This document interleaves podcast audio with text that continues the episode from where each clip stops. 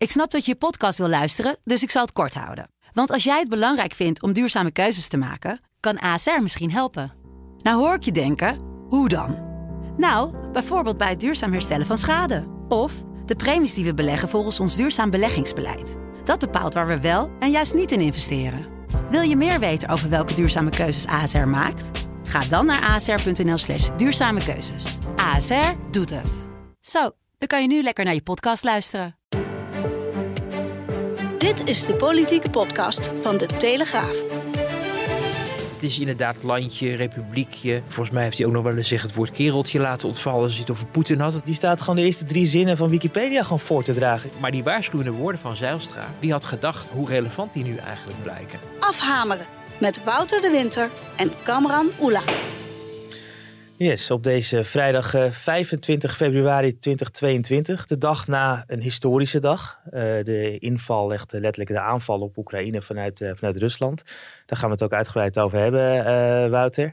Ja, Mm, maar eerst even uitleggen dat vandaag jij ons weer komt, Ja, komt ja. versterken. Ja, dat is niet omdat, eh, dat is niet omdat eh, Pim eh, bij Aladdin zit bij de ochtendvoorstelling. Nee. Ik zag hem trouwens wel laatst rijden, die bus, eh, toen ik eh, vorige week vrijdag wegreed uit Den Haag. eh, via Wassenaar dan bij de A44. En toen kwam de grote Aladdin-bus langs. En toen dacht ik nog, het is jammer dat ik niet foto's mag nemen terwijl ik aan het rijden ben. Want dan was, had, ik, had ik Pim een nog leukere vakantie bezorgd. maar hij is inderdaad op wintersport. Ja. En eh, toevallig was een vriendin van mij eh, in hetzelfde gebied op wintersport deze week. Dus ik kreeg ook een foto van hem waarin hij breed lachend, maar nog niet zo bruin. Dus wellicht valt het weer Ja, wat dat, daar tegen. hadden jullie een afspraak over, hè? dat hij niet te bruin terug mocht Precies, komen. want dat steekt te, te slecht af bij mij. Maar, maar goed, hij zag er nog niet heel bruin uit, maar wel gelukkig. En eh, nou, dat gunnen we hem natuurlijk. Dus eh, misschien dat hij eh, ook zit te luisteren nu terwijl hij terugrijdt. Want dat verwachten we natuurlijk wel een beetje van hem nu. Ja, dat lijkt me ook. Hè. Dat, dat, dat moet hij wel. Hij moet natuurlijk wel gewoon eh, goed op de hoogte blijven. Zo is het. Eh, en, en, en, en, en lekker weg in een week dat er een hele hoop gebeurt. Ja. Dus wij kunnen hier weer wat is het, de kastanjes uit het vuur halen. Dus Ja. Spreekwoorden zijn niet mijn sterkste kant. Maar dan over een serieuze zaak, Wouter. Want ehm, eh, ja, dus ik zei het al, 24 februari, dat, die gaat echt de geschiedenis boeken in. Ehm, en ja, een historische dag. Een aanval die ja, toch nog onverwacht kwam. Sneller dan gedacht, kunnen we het zo zeggen? Nou, mijn indruk is dat het kabinet redelijk goed is aangehaakt eh, op, op eh, de ontwikkelingen daar. En ook eh, via de in- intelligence services, hè, de, de, de geheime diensten. de, onze eigen geheime diensten, natuurlijk IVD en, en geval MIVD in dit geval. maar ook op het internationale niveau. Je ziet duidingen, verwachtingen uit verschillende hoofdsteden in de wereld komen over wat er gaat gebeuren. Bijvoorbeeld Anthony Blinken, de Amerikaanse minister van Buitenlandse Zaken, die dan eh, op, eh, moet ik het even goed zeggen, de nacht van woensdag op donderdag Mhm. zei van, nou ja, we verwachten dat het, dat het vannacht nog gaat gebeuren. En het gebeurde ook. En gisteren was het van, ja, we verwachten dat die vannacht weer een nog grotere aanval op Kiev. En dat gebeurt ook. En nou, over die informatie beschikt het Nederlandse kabinet ook. Dus ehm, men verwacht wel, ehm, men is wel redelijk aangehaakt op het moment dat er actie wordt ondernomen. Wat je wel heel duidelijk natuurlijk uh, Kajsa Ollongren, de minister van Defensie, hoorde uitspreken, was dat zij uh, zei van we hielden met verschillende scenario's rekening hoe erg die aanval was. En dit was wel het alle zwartste scenario, omdat het natuurlijk ging om een massale aanval en niet alleen op die republiekjes, om maar even de minister-president te, Ja. te, uh, te citeren, maar op het, uh, toch eigenlijk op het hele land. Het, toch nog even die republiekjes, want dat was uh, bij, hij zat van de week bij, uh, bij Jinek op maandagavond. en dat ging meer volgens mij ook over de campagne starten ja. richting de gemeenteraadsverkiezingen. Ja. Uh, tegelijkertijd speelde die avond opeens dat, dat Rusland de republiekjes als onafhankelijke staatjes uitriep. Ja. Um, is dat, is dat bewust, dat republiekjes, Schiereilandje, kleiner viel, maken? Viel mij wel op. Ik heb daar navraag over gedaan deze week. En dat wordt dan ontkend dat dat een, een soort strategie was. Uh, je weet natuurlijk niet of dat misschien een ontkenning is die er later is ingevoegd. Omdat de situatie zich unfoldde toen Rutte bij Jinek zat. Waardoor uh, het ja, de aanvliegroute, de relativering uh, min of meer ongepast begon te worden. Dus dat kan je dan achteraf zeggen van nee hoor, ik weet ook niet waarom je daarover mm. begon. Terwijl je het van tevoren natuurlijk wel met elkaar kan hebben besproken. Uh, de VVD-campagnemachine is er eentje waarin uh, Den Haag met veel respect over wordt, wordt gesproken. Dingen zijn dus ook niet allemaal toevallig. Hè. Er was een groot interview in, het, in het AD met, met Rutte natuurlijk in die ochtend. waarin we eigenlijk zagen dat er eh, ja, eigenlijk oude wijn in nieuwe zakken werd verkocht. Een bepaalde boodschap die wordt uitgestraald. Van we moeten weer aardiger tegen elkaar zijn. Hè. Denken we weer aan het verschrikkelijke vaasje. Wat hij natuurlijk een paar jaar geleden probeerde te, lanceren. Ehm, en, en de gedachte bij de VVD vooral is van oké, wij hier in Den Haag vinden misschien allemaal dingen van Rutte. Maar de mensen in het land, onze kiezers of onze potentiële kiezers, vinden het heel belangrijk dat er ook iemand is die zegt van we moeten aardiger en uh, saamhoriger opereren als land en, en uh, richting elkaar om ook die tweedeling die natuurlijk door de coronacrisis is ontstaan, ja, min of meer weer weg te masseren. Dus dat was hun boodschap en die boodschap wilden ze ook eigenlijk op die maandag kwijt. En dan vervolgens ja, gebeurde dat op die maandagavond ineens in, in, in hoog tempo. Ja, de vraag is natuurlijk wel, er werd, was veel kritiek hè, van nou, hoe, hoe, hoe durft hij daar nog te zijn en hoe mm. durft hij niet ja, niet onmiddellijk een soort spoedkabinetszitting bijeen te roepen. Waarin, crisis gaan managen. Ja, dat je ook wel, kijk, dat kan je je voorstellen als er een grote aanval is op Nederland. Maar dit is op Oekraïne. Uh, het is denk ik niet verkeerd als de minister-president een afspraak heeft op de nationale televisie een interview te geven. Uh, om, om daar dan ook te gaan zitten, zodat hij ook direct vragen kon beantwoorden. Mhm. Dat kon hij ook. En inderdaad, dan ging het wel heel erg uh, in, het, in het relativerende, in de verkleinwoordjes. Ik weet niet of die verkleinwoordjes nog steeds zouden worden gebruikt op dit moment. Als je ziet hoe grootschalig Poetin natuurlijk actie heeft ondernomen de afgelopen, eh, wat is het, 48, uh, 72 uur. Maar um, het viel wel op en het is inderdaad landje, republiekje. Nou, volgens mij heeft hij ook nog wel eens zich het woord kereltje laten ontvallen als hij het over Poetin had. Omdat ja. Poetin niet zo ontzettend groot is en hij nou ja, iets, iets langer is uh, als Nederlander. Maar het, het, viel, het viel wel op, maar je zag wel dat zijn toon in de loop van de week wel behoorlijk serieus geworden is. Ja. En dat er geen ruimte meer was voor frivoliteiten. Maar dat er wel heel duidelijk uh, ja, een ernstige toon werd aangeslagen. Die denk ik ook wel past bij de ernstige situatie. Ja. Je geeft eraan hè, dat, dat, dat op zich dat hij daar op dat moment zat, uh, begrijp je wel. Toen, oh, uiteindelijk ging hij dan toch weg. Jij zit ook wel eens bij Jinek uh, aan tafel. Dus er zijn lange afleveringen met reclameblokken. Ja. Uh, en ik geloof dat hij na van 80 minuten, de laatste 8 minuten of zo, ik heb het niet precies paraat, maar in ieder geval, dat viel mensen ook op. Dat hij dan toen opeens wel van, ik ga nu weg, want ja. er is toch wel meer aan de hand. Ja, en, en je merkte ook wel dat ze dat ook wel heel uitlegbaar vonden bij de VVD, omdat natuurlijk toch wel iets aan het gebeuren was. Um, ik weet niet of de redactie er even eh, zo blij mee was natuurlijk, want je wil hem eigenlijk de hele tijd bij de uitzendingen hmm. hebben. Uh, maar ja, goed, dat, dat zijn dingen die er gebeuren als je minister uh, te gast had. Hè. De volgende dag was, uh, was Wopke Hoekstra te gast. Mm -hmm. En die was er eigenlijk ook maar heel kort. En die zou ook alleen maar komen praten over, over Oekraïne. Maar ja, toen was die gijzeling natuurlijk ja. op, de, op, de, op het Amsterdamse Leidseplein gaande. Dus de actualiteit beïnvloedt zo'n uitzending ook. En, en ja, volgens mij vond Hoekstra dat ook heel erg te begrijpen. En uiteindelijk, volgens mij begrijpen ze bij dit programma ook prima dat de minister-president op een gegeven moment weg moet. Um, je zou achteraf kunnen zeggen, had het niet nog meer over Oekraïne moeten gaan.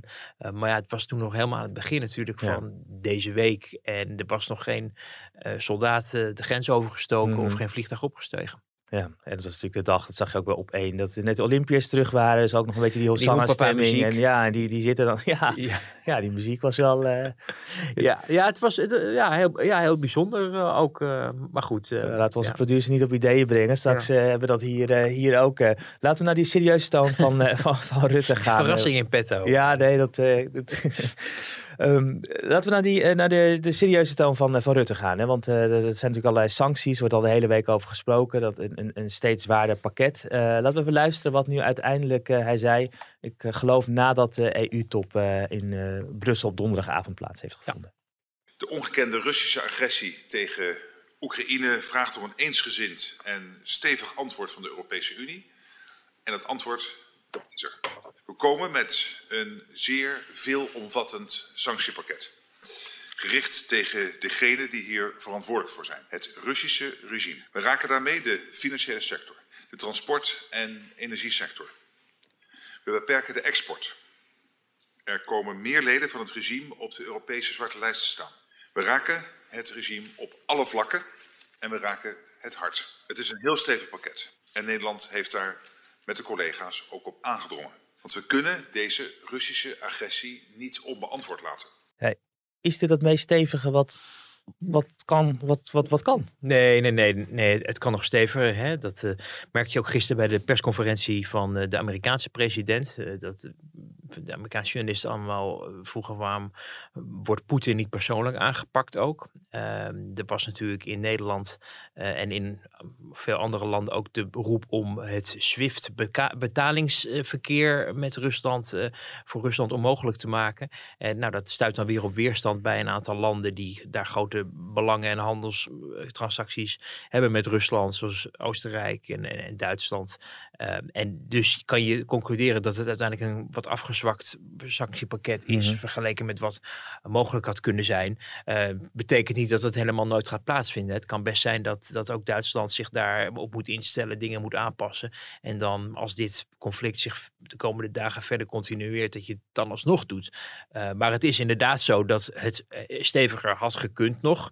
Ik weet niet of het helemaal niks voorstelt overigens, wat er is, nu is afgesproken. Belangrijk merk je als je met, met mensen uit het kabinet uh, spreekt, dat er uh, ja, unanimiteit of eensluidendheid vooral bestaat tussen uh, ja, de westerse bondgenoten, zullen we maar zeggen. Hè. De Amerikaanse president had het er gisteren over dat een, eigenlijk de helft van de wereldeconomie nu verenigd is om uh, Rusland aan te pakken. Mm -hmm. En dan gaat het dus niet alleen om de Europese Unie en de Verenigde Staten, maar ook over landen als Australië en Japan.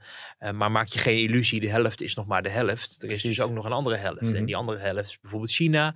Uh, die andere helft is bijvoorbeeld India. Dat hoor je heel nadrukkelijk in het kabinet. Dat India en India is goed met Europa en India is goed met Rusland. Uh, en mensen die grote financiële belangen hebben, die kunnen, en die denkt dat ze dat trouwens ook al lang hebben gedaan, en laten we daar ook niet naïef in zijn, als ze grote tegoeden hebben op Brits, bij Britse banken of bij, bij, bij Credit Agricole of hè, allemaal mm -hmm. Franse of, of, Nederlandse ING, dan is dat natuurlijk al lang uh, getransferd. En dan kan dat natuurlijk prima naar een of andere Indiase bank worden overgebracht.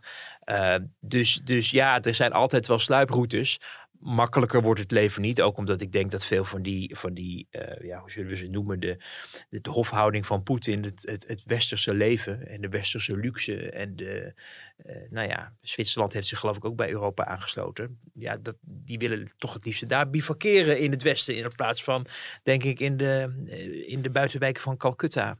Precies, ja. Dat, dat kan, kan ik me alles bij voorstellen. Sowieso ben ik, ik, ik heb Pakistaanse roots. En uh, wat opvallend was dat die Pakistaanse premier, die het, die bezocht afgelopen dagen Poetin. Die heeft zelfs een bezoek een dag eerder. Mm -hmm. En een paar uur na de, aansla, na de aanval uh, handjes schuddend uh, naast Poetin. Ja. Ik dacht ook van ja, dit is ook interessant. Want de Pakistan hebben goede banden met China en, ja. en, en Turkije. Maar niet met India natuurlijk. Ja. Dus, uh, dus dat is ook interessant hoe dat dan uh, zich uh, gaat verhouden. En het viel mij ook op ook hoe Turkije zich gedroeg. Hè? Wat natuurlijk een beetje een land is wat, wat, wat, wat los is geweekt eigenlijk van de NAVO, merk je. Maar daar zitten natuurlijk ook allerlei belangen. Nou, ook, zo, zowel ook belangen richting Oekraïne, maar ook richting Rusland. En Erdogan heeft dan geprobeerd om te bemiddelen.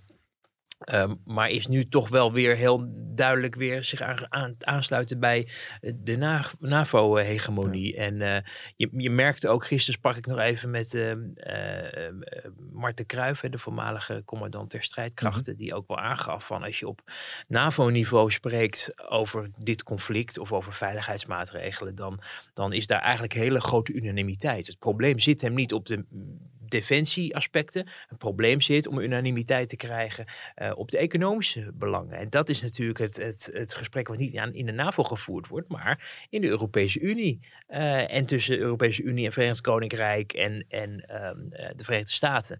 En, en dat vond ik wel een interessant aspect. Dat de militairen het allemaal wel over eens zijn hoe, ja, dat dit hard moet worden bestreden.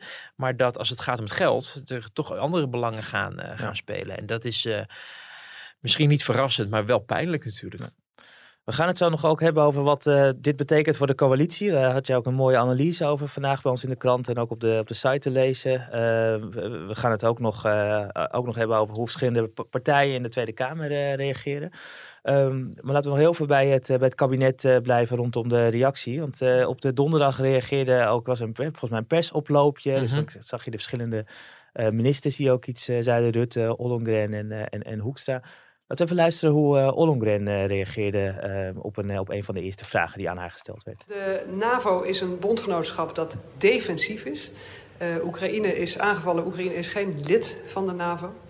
Dus de NAVO-activiteiten behelzen afschrikking en verdediging van de landen van het bondgenootschap.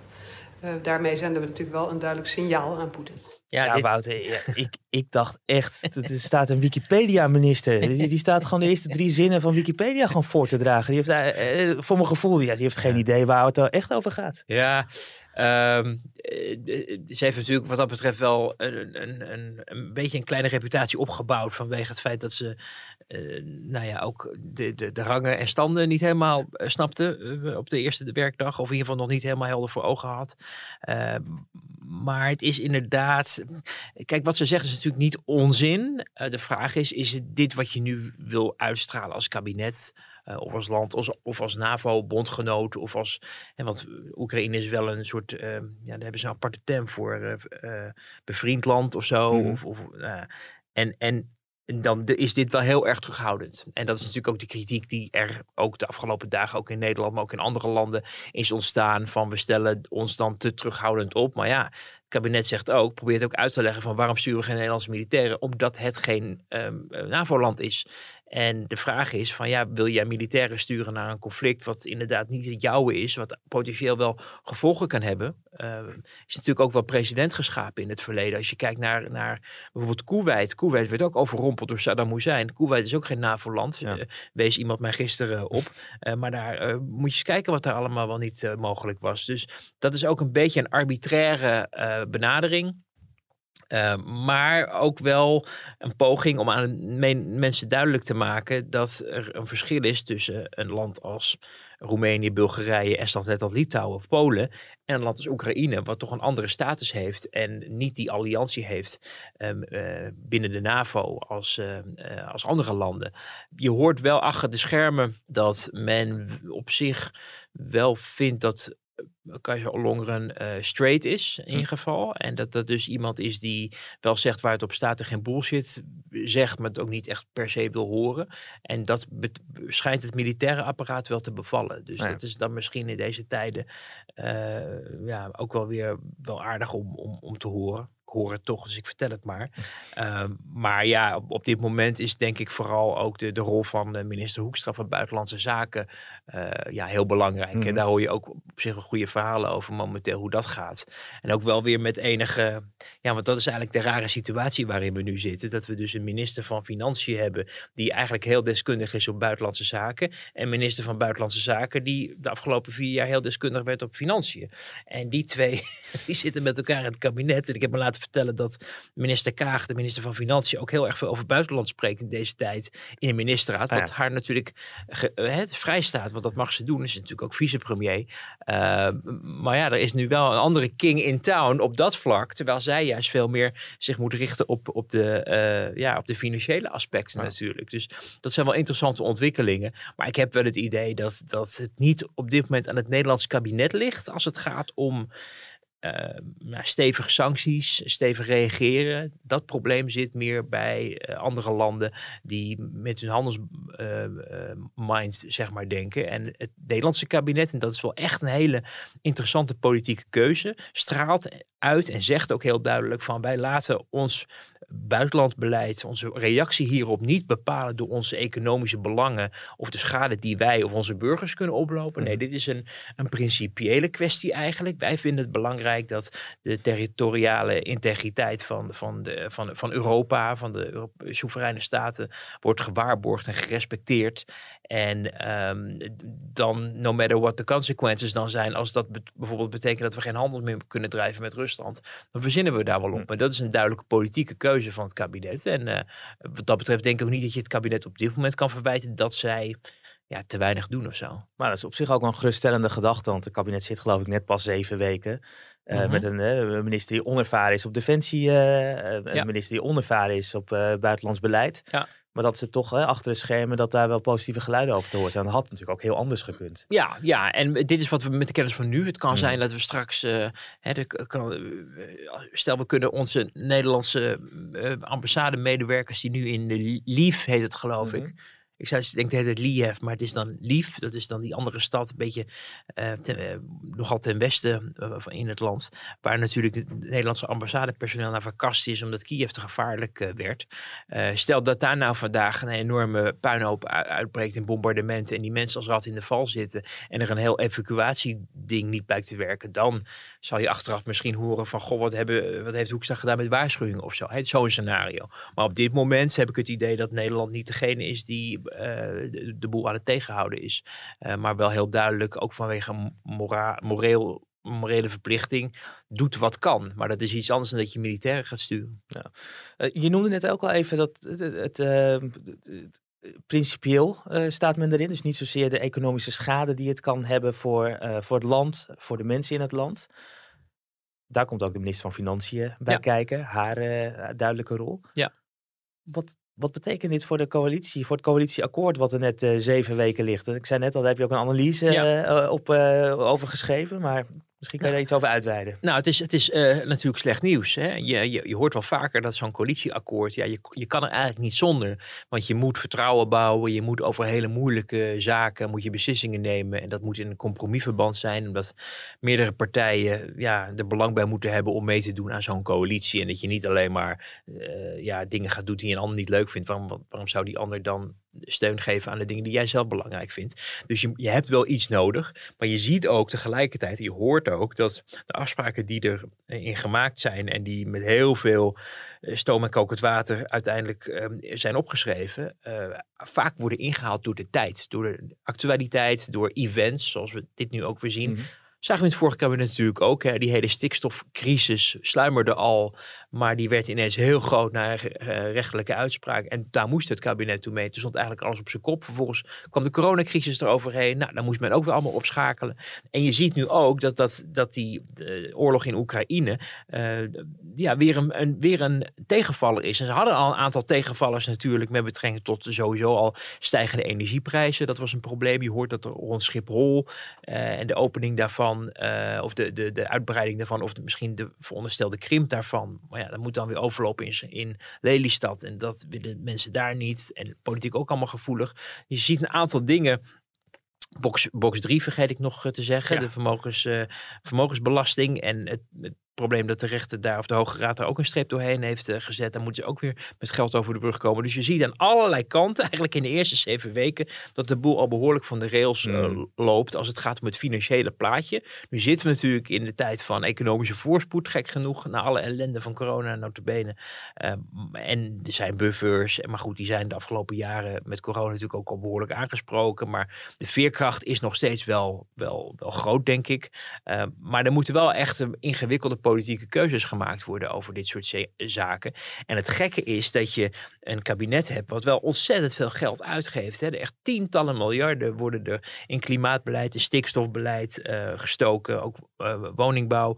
Um, en dat, zijn, dat is ook het resultaat van zo'n politiek compromis. Dat is voor D66 heel belangrijk geweest om mee te doen. Dat er, dat er echt, echte stappen worden gezet om de CO2-uitstoot terug te dringen. En daar moet, ja, dat, dat gaat pijn doen. Dus dan heb je daar een zak geld voor om dat mogelijk te maken. En mensen te stimuleren, maar ook mensen om te scholen. Om, om, om die transitie uh, voor elkaar te krijgen. Bouw van nieuwe kerncentrales natuurlijk ook. Uh, dat soort, uh, soort, dingen. Daar zijn echt politieke compromissen over ja. gestoten. En wat je nu hoort, is dat er eigenlijk nu problemen zijn die op een, linksom of rechtsom toch ergens pijn moeten gaan doen. En dan partijen zich ook wel enigszins ingaven. Want die zeggen, ja, we gaan nu niet ineens geld weghalen bij dingen die wij belangrijk vonden en wij hebben uitonderhandeld.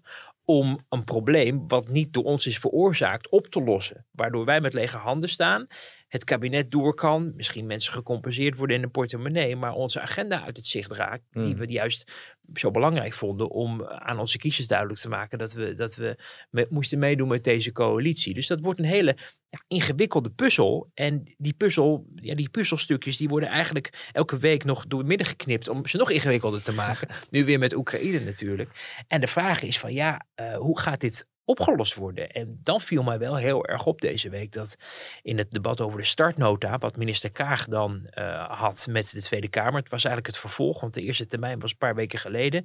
En in dat debat wordt eigenlijk de, de financiële spelregels worden, uh, worden besproken die het kabinet de komende jaren wil gaan uh, volgen.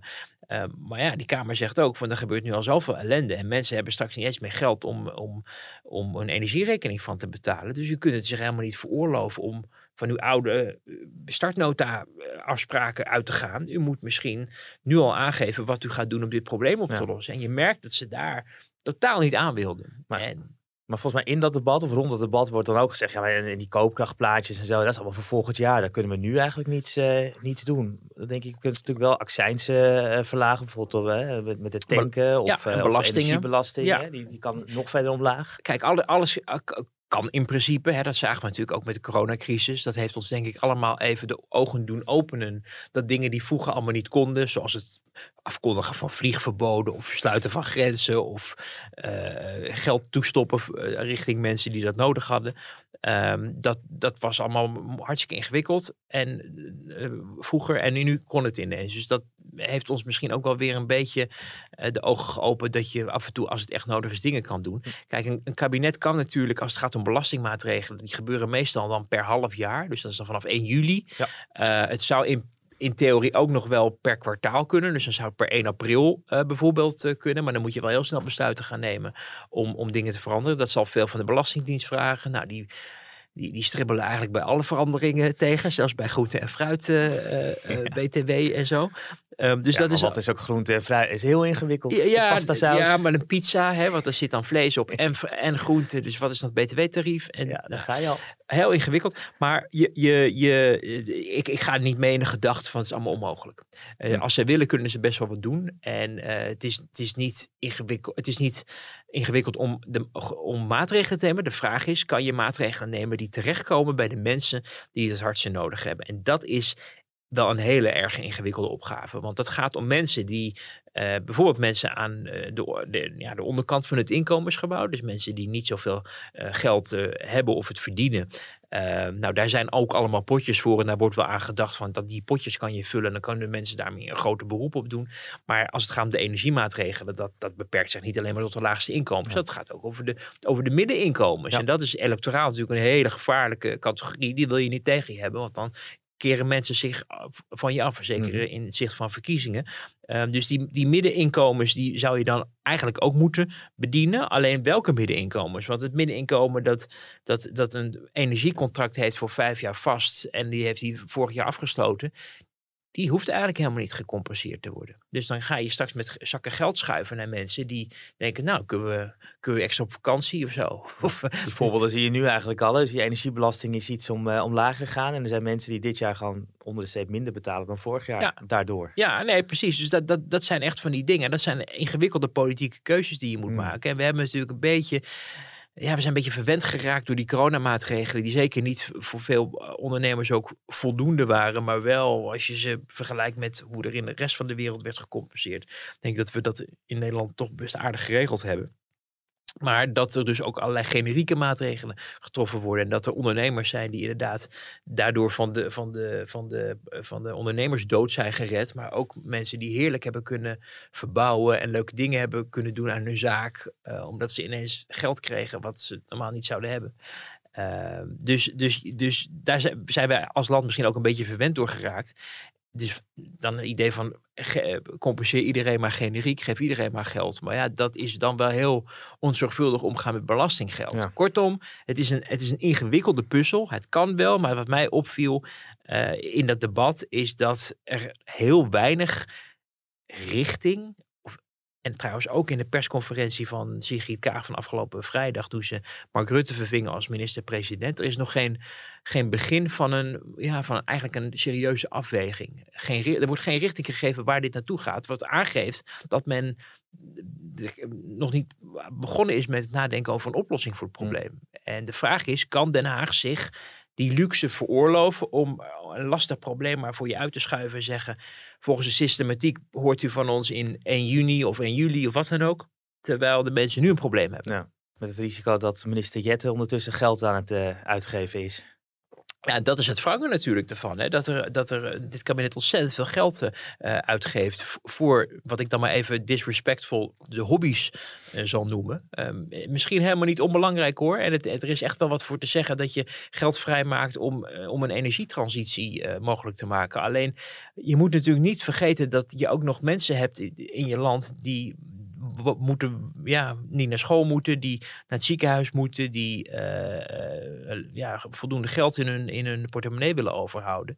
En ja, dat aspect uh, moet je natuurlijk niet uit het oog verliezen. En dan heb je wel je eigen mooie plannen. Maar als een land boos is over het feit dat ze zelf geen geld hebben, terwijl jij prachtige, leuke dingen doet voor klimaatbeleid voor toekomstige generaties, ja, dan wordt het wel ingewikkeld. We moeten gaan zien met welke oplossingen ze gaan komen. Er zijn ook partijen, oppositiepartijen, die het allemaal veel beter weten. Die hadden allemaal plannen op uh, papier gezet. En je was daar ook scherp in dat GroenLinks en Partij van de Arbeid met hun tegenbegroting, hè, hoe, mm -hmm. ze, hoe zij dan het liefst het zouden zien. Ja.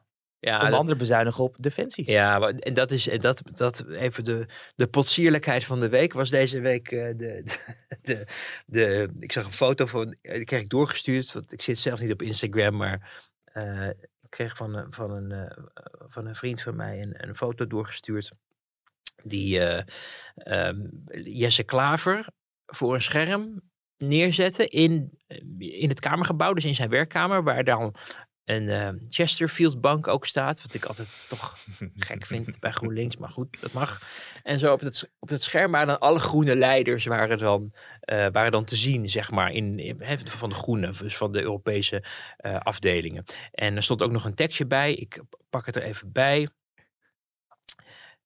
Nu in gesprek met de Europese groene collega's over de Oekraïne-crisis. En dan zie je, ik zal hem je ook even laten zien, dan zie je Jesse Klaver zo zitten met die Chesterfield-bank. Hij kijkend naar dat scherm waar al die mensen die toch de afgelopen jaren in al hun landen ongetwijfeld hebben gepleit voor verminderde defensieuitgaven even de Oekraïne-crisis aan het bespreken. Waar ik denk, nou, als daar. Ik dacht, ze zijn aan het, aan het, aan het, aan het bedenken hoe ze weer een paar miljard uh, van gaan weghalen. En in alle eerlijkheid, deze maand, doorrekening van CPB, hun alternatieve plannen, daar bleek uit dat ze 2 miljard weghalen bij Defensie.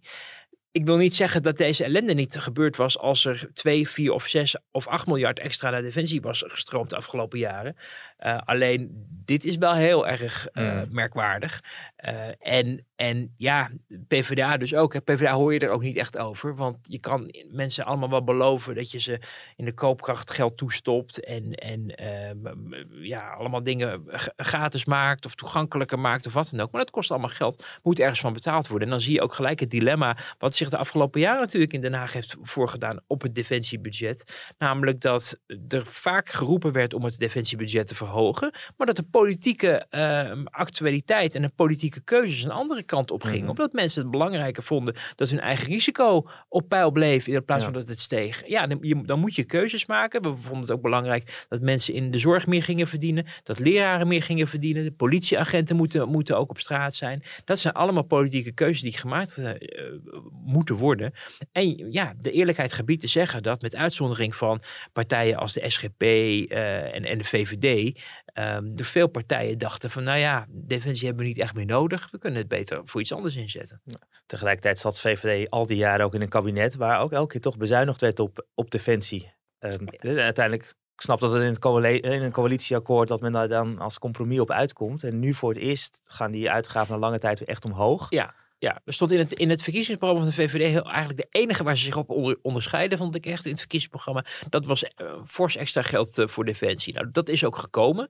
Uh, dus dat, dat kunnen zij, denk ik, claimen. Mm -hmm. maar ja, vooral in Rutte 1 is er flink gehakt.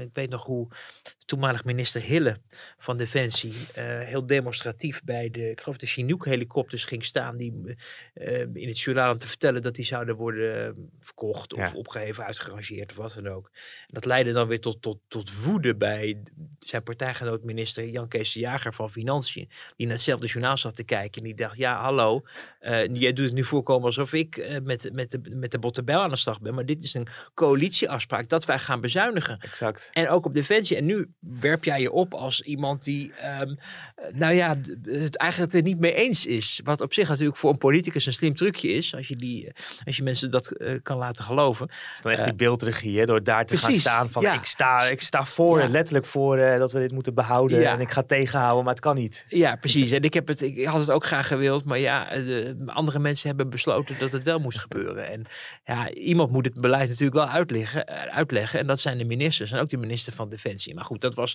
dat speelde toen, tien jaar geleden inmiddels. Eh, en en eh, ja, maar goed, dat hing ook toen weer af van het feit dat er begrotingstekorten waren. Dat Europa van ons vroeg dat we onze begroting op orde zouden brengen. Eh, dus het is heel makkelijk om nu te oordelen. Er had meer geld naar defensie gemoeten. Nogmaals, ik weet niet of dat een ander scenario rond Oekraïne had opgeleverd. Want Oekraïne is immers geen NAVO-land.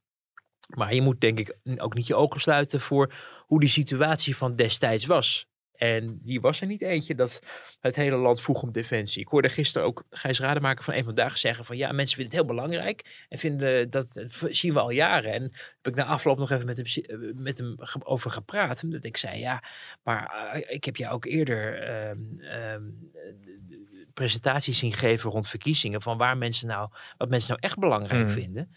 En dan ging het niet over defensie, maar dan ging het over zorg en over Ja. onderwijs. En dat vonden we als land toen heel belangrijk. En misschien ook wel defensie, maar het stond niet op één. Dat was ook in 2010 zaten we midden in die economische crisis. Die in 2009, als ik me goed herinner, uitbrak. Ja. Dan zie je toch vaak dat defensie, Ja. ontwikkelingssamenwerking, dat zijn de eerste onderwerpen die, dan sneuvelen. Want ja, dat is niet direct onze portemonnee. En, en eh, bedoel, met uitzondering van wat er in de Krim is gebeurd. eh, dus er was ook op dat moment niet enorme aanleiding. eh, bijvoorbeeld in ieder geval in materieel heel erg te investeren. voor politieke partijen. Er werd af en toe nog wel, vooral de laatste jaren, wel meer aandacht voor cyber Mhm. eh, gevraagd. eh, omdat we natuurlijk zien dat, dat, dat ze daar in Rusland behoorlijke bedreven eh, in zijn.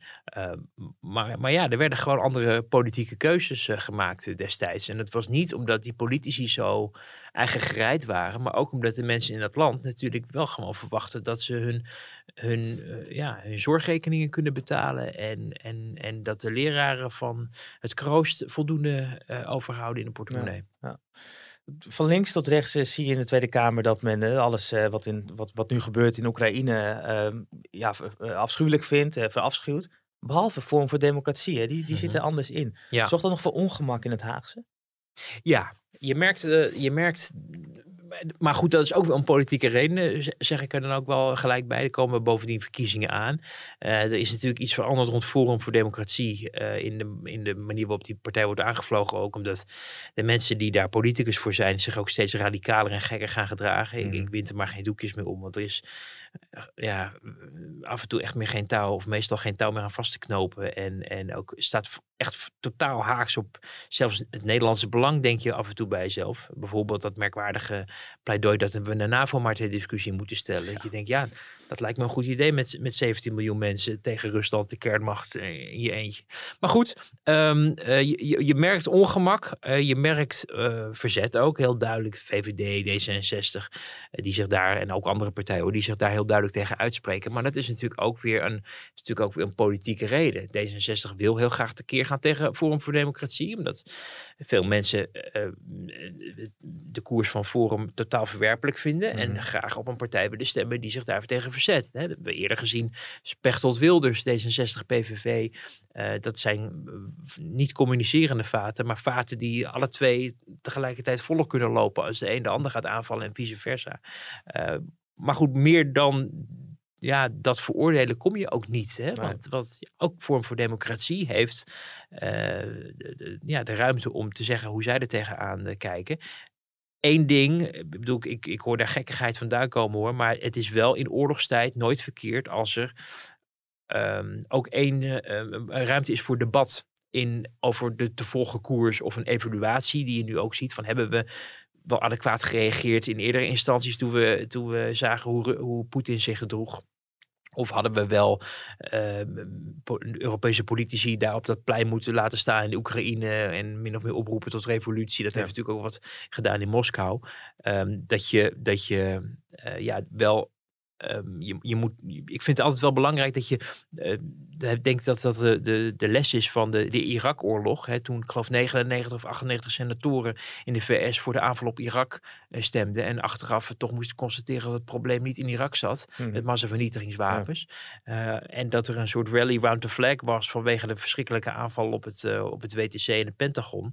Dat, dat mensen dachten van het kan ons niet schelen, want we, we mogen niet de dissonant zijn van de grote algemene koers. Omdat het ook electoraal, hè, de populariteitspeiling van George W. Bush ging het ook door, door het plafond. En nu is er ook zo'n sfeertje in Nederland van we moeten met z'n allen en hè, geen ruimte. Ik vind het griezelig als, als, uh, als Forum zich laat horen. Ja, ik vind het heel gezond dat je daar afstand van neemt als je daar afstand van wil nemen. Of het moet betekenen dat iedereen het over alles eens is. Dat lijkt mij in, in oorlogstijd, uh, in ieder geval binnenlands, niet een vanzelfsprekendheid meer. En dat is nu in oorlogstijd, we zagen natuurlijk ook in die coronacrisis dat het juist goed ook was dat vanaf het eerste moment debat was. Ook partijen die dan op het ene moment A zeiden en dan B zeiden. Maar Zeker. het was daardoor wel debat, waardoor ook de uitdaging is om nou, toch te kijken naar, is dit wel het beste voor het land? Ja, en open mind. En ook gewoon met woord ook bestrijden. Hè? Als hmm. iemand kletskoek verkoopt, dan dat ook gewoon bijvoorbeeld in een Kamerdebat. Daarom is het een beetje raar dat Kamerdebat pas maandag is. Ik snap wel dat de ministers eh, heel druk zijn, Defensie, Buitenlandse Zaken. Maar goed, we hebben twintig ministers en negen staatssecretarissen. Dus kennelijk, en gisteren was kennelijk niemand beschikbaar om, om in ieder geval de Kamer aan te horen over wat ze ervan vond. Uh, maar in een, in een gezonde democratie kan het, vind ik, helemaal geen kwaad als er onzin wordt verkocht in het parlement. Dat mensen daar ook mee in debat gaan. Daarvoor is het parlement ongeveer opgericht. Uh, nu is er van alles besloten. En um, nou ja, kom eens op maandag bij elkaar om erover te praten. Ja, je kan er ook dan nog over praten. Uh, maar het kan helemaal geen kwaad om uh, onzin met woorden te bestrijden. Maar laten we dat dan ook in de, in de vergaderzaal van de Tweede Kamer laten plaatsvinden. Ja. Het debat gaat komende week dan uh, plaatsvinden. Ik denk dat we ook een beetje zo langzaam richting het einde van deze podcast uh, toe gaan. Heb je deze week ook even, en ik weet het antwoord namelijk al, want je kwam er al mee, deze week ook even aan Halbe Zijlstra moeten denken? Zeker, ja, ja, ja want dat, dat is natuurlijk wel heel bijzonder. Hè? We hebben, wat was het, ik geloof 2017, over iets wat in 2014 gebeurd was. Hè, de, de, de, de leugen over zijn aanwezigheid in de Dacia van Poetin. Uh, daar is hij toen uh, ja, niet om weggestuurd, want hij is zelf opgestapt, maar nou, er was geen houden meer aan. Omdat Nederland eh, vond dat ze niet een minister van Buitenlandse Zaken konden hebben die kletsverhalen over mm aanwezigheden bij nou, Russisch staatshoofd verzon. Um, het is wel zo dat hij destijds natuurlijk woorden van Jeroen van der Veer heeft uh, gebruikt. Uh, oud topman Precies, om, om het, ja, hij heeft gedaan alsof hij het was, maar het was dan iemand anders. Dat was dan de, de, de bewering destijds. Nou, daar Jeroen van der Veer natuurlijk ook terugtrekkende bewegingen voor gemaakt vanwege het feit dat ja, Shell natuurlijk ook nog in zijn hart zit. En Shell nog veel belangen heeft in Rusland, zeker mm toen. En er dus een bedrijfsrisico zou zijn als de hoogste baas destijds kennelijk dit soort verhalen ehm, aan het vertellen was. Dus die nam daar weer afstand van, stond er helemaal alleen. Maar de boodschap die hij uitsprak op dat congres, dat gevraagde congres, waarin hij dus deed alsof hij de Dutch van Poetin was, die staat eigenlijk behoorlijk overeind. Hè? De, droom van Poetin, van het, van het groot Russische Rijk, dat toch allerlei andere uh, landen eigenlijk ook bij dat groot Russische Rijk horen. Uh, Kazachstan uh, bijvoorbeeld, nou, Oekraïne, ik geloof Belarus ook, en de Baltische Staten. Mhm. En dat wordt natuurlijk het, het, het, het, het, gevaarlijke punt. De Baltische Staten zijn natuurlijk wel NAVO-lid. En je ziet uh, de Amerikaanse president gisteren natuurlijk ook wel heel duidelijk zeggen van als ze daar iets doen, dan gaan we met de hele Amerikaanse krijgsmacht keihard uh, reageren. Dus dat, dat, dat, is, dat, dat wordt het griezelige moment natuurlijk. Uh, maar die waarschuwende woorden van Zeilstra, wie had gedacht toen hij in 2017 het veld moest ruimen, dat, hoe relevant die nu eigenlijk ja. blijken. En, en ja, dat, daar moest ik dus wel even aan denken. Ik zag dat ik niet de enige was, want meer mensen die herinneren zich dat dit nou juist de waarschuwing was. Ook al was hij onhandig en dom gebracht. Vindt hij zelf volgens mij ook mm met terugwerkende kracht. Uh, maar de waarschuwende boodschap die er destijds is geuit, die blijkt wel heel erg relevant. Uh, ja, als we de vier jaar geleden, als we die toen die boodschap serieus hadden genomen, misschien had dat ook nog iets betekend. Niet alleen in Nederland, maar ook in Europa, als we daar ons sterk voor hadden gemaakt. Maar goed, is de wijsheid van achteraf. Maar onze band hè, is, uh, de Nederlandse band met Rusland is natuurlijk na MA17 in 2014 wel echt uh, ja, totaal veranderd. Ja, hoewel, en dat vind ik altijd wel heel merkwaardig hoor. We hebben natuurlijk ook wel eens uh, Rutte is, heeft er vaak ook dingen over gezegd in het openbaar, waarin je merkt dat wel altijd de lijnen open zijn gebleven. Hè? Vooral na de verschrikkelijke aanslag op MH17, dat hij Rusland nodig had om te zorgen dat de repatriëring van de slachtoffers kon plaatsvinden. Dat Rusland daar ook wel begrip voor heeft getoond en ook wel een, een ja, zogenaamd natuurlijk niks te maken had met wat ze deden in Oekraïne. Maar wel op het moment dat er met het Kremlin een akkoord was, ineens van alles mogelijk was. Dus dat gaf eigenlijk al hoe, hoe men daar toen al bij betrokken was. Um, het, is, het is ja, er is nog steeds wel de afgelopen jaren ook contact geweest. Ik hoorde ook wel eens van de minister dat Rusland bezig was om de sancties die destijds vanwege de Krim zijn ingesteld, om die ook uh, ja, van tafel te krijgen, omdat ze daar last van hadden. Nou, dat is uiteindelijk niet uh, zo ver gekomen. Uh, maar de lijnen zijn gek genoeg toch altijd wel redelijk open gebleven. Alleen, ja, je merkte dat steeds minder mensen echt doordrongen tot Poetin. Hmm. En nou ja, jongens, in Nederlandse regeringskringen dat Angela Merkel daar eigenlijk ja, de enige nog was die dat voor elkaar kreeg. Nou, Angela Merkel is nu weg. En nou ja, um, ineens zie je dat er dus hele merkwaardige, gekke dingen gebeuren. Overigens viel mij wel op, zeg ik dan misschien als afsluiting, dat het nou ook niet zo is dat Nederland zo ontzettend close is met Oekraïne. Hè? Want toen Rutte daar een paar weken geleden naartoe ging, toen moest hij eerst nog een dag wachten, omdat de Britse premier voor mocht. Ja. En vervolgens met de toespraak dat uh, die Zelensky, die president, zei van, nou ja, het is de eerste keer in, wat was het, 14 jaar of zo, dat er een, een Nederlandse regeringsleider was langsgekomen in Oekraïne. Waardoor ik bij mezelf dacht van, dus we hebben na MH17 daar dus nooit de premier naartoe laten gaan. nu zat natuurlijk ook nog een andere president, ander regime, pro-Russisch en zo. Ehm, maar dat geeft ook wel weer aan, net als vanochtend de toespraak die ik zag van Zelensky richting de, uh, richting de wereld. Van ja, de, het machtigste land ter wereld kijkt toe hoe wij in de pan worden gehakt, was ongeveer de boodschap. Ook een beetje een sneer naar de Verenigde Staten. Dus het is niet zo dat wij zo close zijn met Oekraïne dat het onze beste vrienden zijn, waar we onmiddellijk voor in de bres aan het springen zijn. En dat geeft ook een beetje de, ja, toch wel de ambivalente relatie aan vanuit de Europese Unie en de NAVO richting dat land. Ehm, ja, ze zitten eigenlijk een beetje in het midden. Ze zijn eigenlijk met niemand echte vrienden. Nee, nou, dat is, dat is weinig hoopgevend, eh, vrees ik, voor de komende dagen en, en, uh, en week. Um, de ontwikkelingen gaan daar nu zo hard. Hè. We geen idee hoe we als we hier over zeven dagen weer zitten. Moeten we de volgende week weer over praten? Zit Pim hier en dan is, zijn er ongetwijfeld hele andere zaken. Um, ik denk dat we het gewoon ook hierbij kunnen laten. Ja, de, de coronamaatregelen, we zitten hier nog met een scherm tussen ons in. Maar volgens mij kan dat scherm gewoon, uh, gewoon weg. Want het is eigenlijk de dag de bevrijdingsdag. de bevrijdingsdag in zekere zin. Hè? Ja. Maar, ja. ja, gek hè? Ja. ik ben heel benieuwd ook hoe dat, hoe dat uh, gaat in Den Haag vandaag. Want alles is dus afgeschaft. En Den Haag, al die ministers, heel erg politiek correct natuurlijk. Vanwege het grapperhaushuwelijk en zo. Iedereen bang dat ze gekiekt werden op het moment dat ze zich niet aan de regels uh, hielden. Zaten van de week tegenover Wopke Hoekstra bij Jinek. En die, die stoelen zijn ook weer lekker naast elkaar gezet. En nou ja, dan zag je ook wel weer in, in, in de uh, ministeriële kring dat men dacht van, oh jee, als de minister maar niet op zijn donder krijgt, omdat hij geen anderhalve meter afstand hield terwijl het nog moest. Maar daar heb ik een, een, een verklaring voor. Uh, er is de QR-samenleving, uh, de QR-code wordt daar gevraagd. En dan mag je wel weer dichter bij elkaar zitten. Uh, maar je ziet hoe men daar ook in Den Haag zijn, zijn adem over heeft ingehouden de afgelopen twee jaar. En er zal een, een, slaak van opluchting ook vandaag zijn dat iedereen. Ik denk ook dat ze. Ze kunnen eigenlijk gewoon weer in de trefferzaal vergaderen vandaag. Ze zaten in die hele andere grote zaal om afstand te houden. Dat hoeft niet meer. Dus nou, ik denk dat dat wel opluchtend uh, werkt ook voor hen. We krijgen weer die beelden dat uh, journalisten ook gewoon echt bovenop ministers kunnen duiken. Met z'n allen eromheen kunnen staan. In plaats van die echt lange twee jaar naar verlangd. Dat ik eigenlijk weer op een minister kan duiken.